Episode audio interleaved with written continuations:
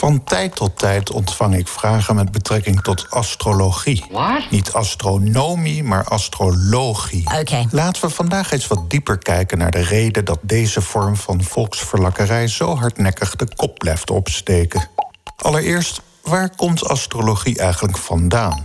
Daarvoor moeten we teruggaan naar de vroege dagen van onze beschaving. Ja, u denkt misschien nu, kom maar op Hens, show us what you've got. Maar laten we niet te snel over deze opmerking heen springen. Hier, ik spoel hem even terug.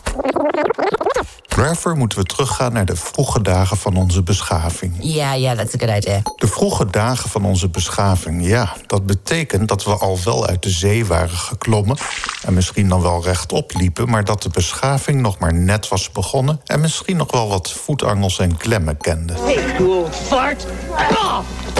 Dit zijn de dagen van ver voor de wetenschap. De dagen dat externe validatie nog werd gezocht in verzinsels zoals goden.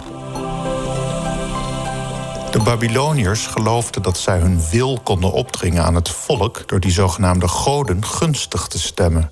En omgekeerd dat een ontstemde god kon zorgen voor rampspoed, mislukte oogst, sprinkhanenplagen, kortom, dood en verderf. Tot dit doel deelden de Babyloniërs de hemel in twaalf gelijke stukken die we nu kennen als de dierenriemsterrenbeelden. Dit zijn volstrekt willekeurige constellaties van sterren. Er bestaan allerlei variaties op het thema, zoals ook een volstrekt afwijkende Chinese astrologie. Maar al deze systemen zijn gebaseerd op het idee dat externe zaken in het heelal ons persoonlijke leven en onze lotsbestemming kunnen beïnvloeden op een wijze die te voorspellen, maar niet wetenschappelijk te valideren valt. En dat laatste is natuurlijk sowieso al verdacht. Hens, ik twijfel hieraan. Volgens Gallup gelooft een kwart van de Amerikanen in astrologie. In het in sommige opzichten wat nuchterdere Nederland ligt die verhouding misschien net iets gunstiger, maar nog steeds zien we horoscopen terug in allerlei tijdschriften. Ooit voor een schoolopdracht bouwde ik samen met andere studenten een interactief videosysteem. Mensen konden dit systeem vrijwillig doorlopen en moesten hun mening geven op een aantal situaties door middel van het indrukken van knoppen. Aan het einde rolde dan een persoonlijk rapport uit de printer. Als degene die dit systeem programmeerde, weet ik uiteraard precies hoe het van binnen werkte. De knoppen zaten allemaal aan elkaar gesoldeerd en elke knop had dezelfde functie. Ga naar de volgende situatie. Er werd dus helemaal niks opgeslagen. Aan het einde rolde ik de digitale dobbelsteen een paar keer en plakte wat willekeurige paragrafen aan elkaar. De reacties van het publiek waren echt ongelooflijk. Het klopt echt heel goed. Hoe is het mogelijk? Persoonlijk zou ik me ten zeerste hebben afgevraagd hoe een stel filmacademiestudenten ook zoveel kennis over de psychologie zou hebben kunnen vergaren. Maar juist de afwezigheid van deze vraag wijst in de richting van onze onderzoeksvraag van deze column. En dat is? Waarom astrologie zo hardnekkig blijft bestaan. Daarover zometeen meer. Eerst uw persoonlijke horoscoop. U vindt het prettig als anderen u zien staan en soms zelfs bewonderen. U blijft echter wel kritisch over uzelf, want u weet dat u nog allerlei ongebruikte vermogens heeft die u nog tot uw voordeel en dat van anderen kunt inzetten. U zou vanaf vandaag kunnen beginnen zo'n interesse verder te verdiepen en er uw werk of hobby van kunnen maken. Het grootste probleem in uw leven is alleen dat u niet genoeg tijd heeft om al uw kansen te benutten. Alhoewel u enkele zwakheden in uw persoonlijkheid erkent, zoals de neiging sommige problemen voor u uit te schuiven, heeft u genoeg in uw mars om dergelijke tekortkomingen te compenseren. Veel mensen beschrijven u als gedisciplineerd of voorzichtig. Van binnen heeft u echter wel degelijk uw zorgen, zowel over de wereld om u heen als over uzelf. U houdt van verandering en onverwachte gebeurtenissen en wordt een beetje kriegel van al te veel opgelegde beperkingen. U bent er trots op dat u een onafhankelijk denker bent die zich niet laat beïnvloeden door de gekke ideeën van anderen. Uw overtuigingen blijven rotsvast staan in dat soort situaties. Dit maakt ook dat u in veel sociale situaties niet alles deelt met anderen. In uw leven streeft u naar zekerheid. Ziet u wat hier gebeurt? Dit verhaal gaat in grote lijnen op voor iedereen. In een eerdere column had ik het al met u over de confirmation bias. Waar dat op neerkomt is dat we als mensen een volstrekt legitieme en wetenschappelijk aangetoonde neiging hebben de dingen te onthouden die op ons van toepassing zijn, ons bevestigen. En de andere kant van de medaille, we vergeten maar wat graag de zaken die ons in een kwaad daglicht stellen of nare emoties oproepen. No! Wat is het eerste dat in u opkomt over de nephoroscoop die ik net voorlas?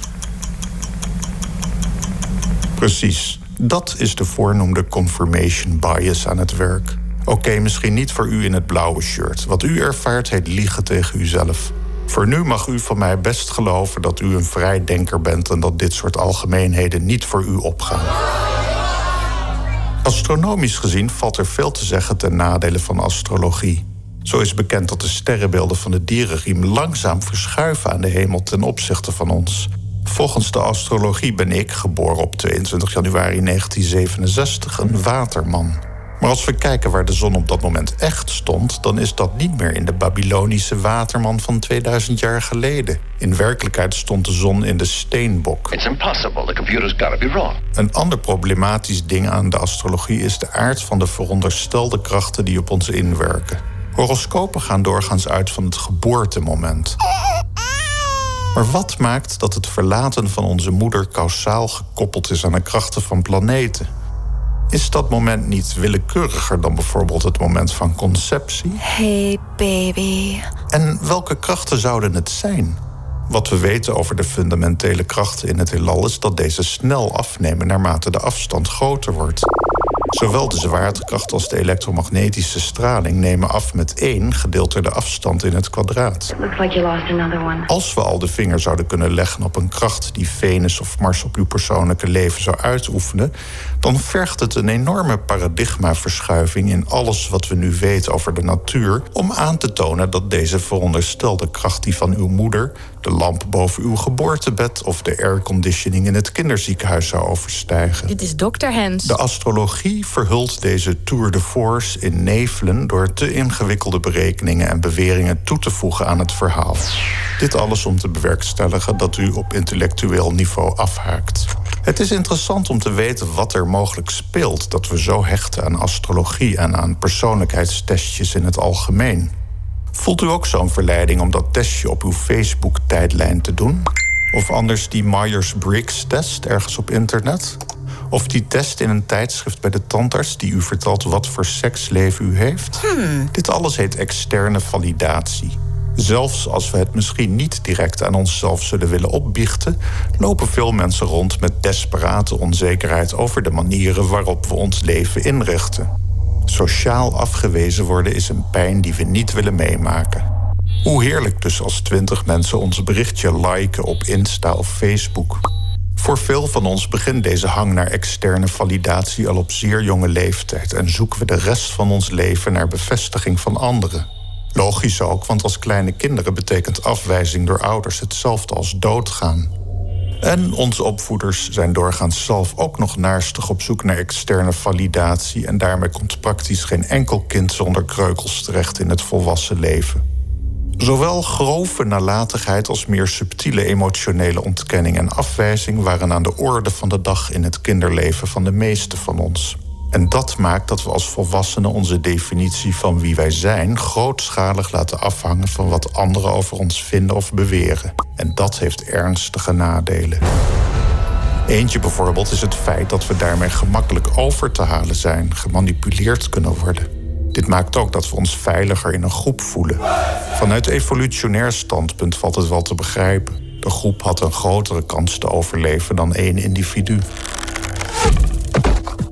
Onder druk van deze zoektocht naar externe validatie ontstaan allerlei persoonlijkheidsstoornissen. Zo vinden we in de DSM-5 in cluster C de people pleasers, mensen die alles in het werk stellen om het anderen naar de zin te maken. Maar het kan ook omslaan in een andere richting, waarbij bijvoorbeeld partners in hoog tempo gewisseld worden omdat externe validatie maar steeds tekort schiet dat het altijd aan de ander lijkt te liggen. Terwijl we misschien op zoek zijn naar een zwarte kat in een donkere kamer waar helemaal geen kat is.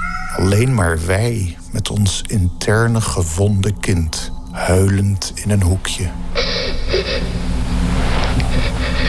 Als u meer wilt lezen over huilen en opvoeding, kunt u de boeken van Aleta Solter raadplegen. Als dat niet uw ding is, is er vast wel een religie die nog een vacature heeft. Maar als dat te drastisch klinkt of niet past in uw tijdsbesteding of monetaire situatie, vindt u vast wel ergens een mooie horoscoop die u precies vertelt hoe het zit. Tot volgende.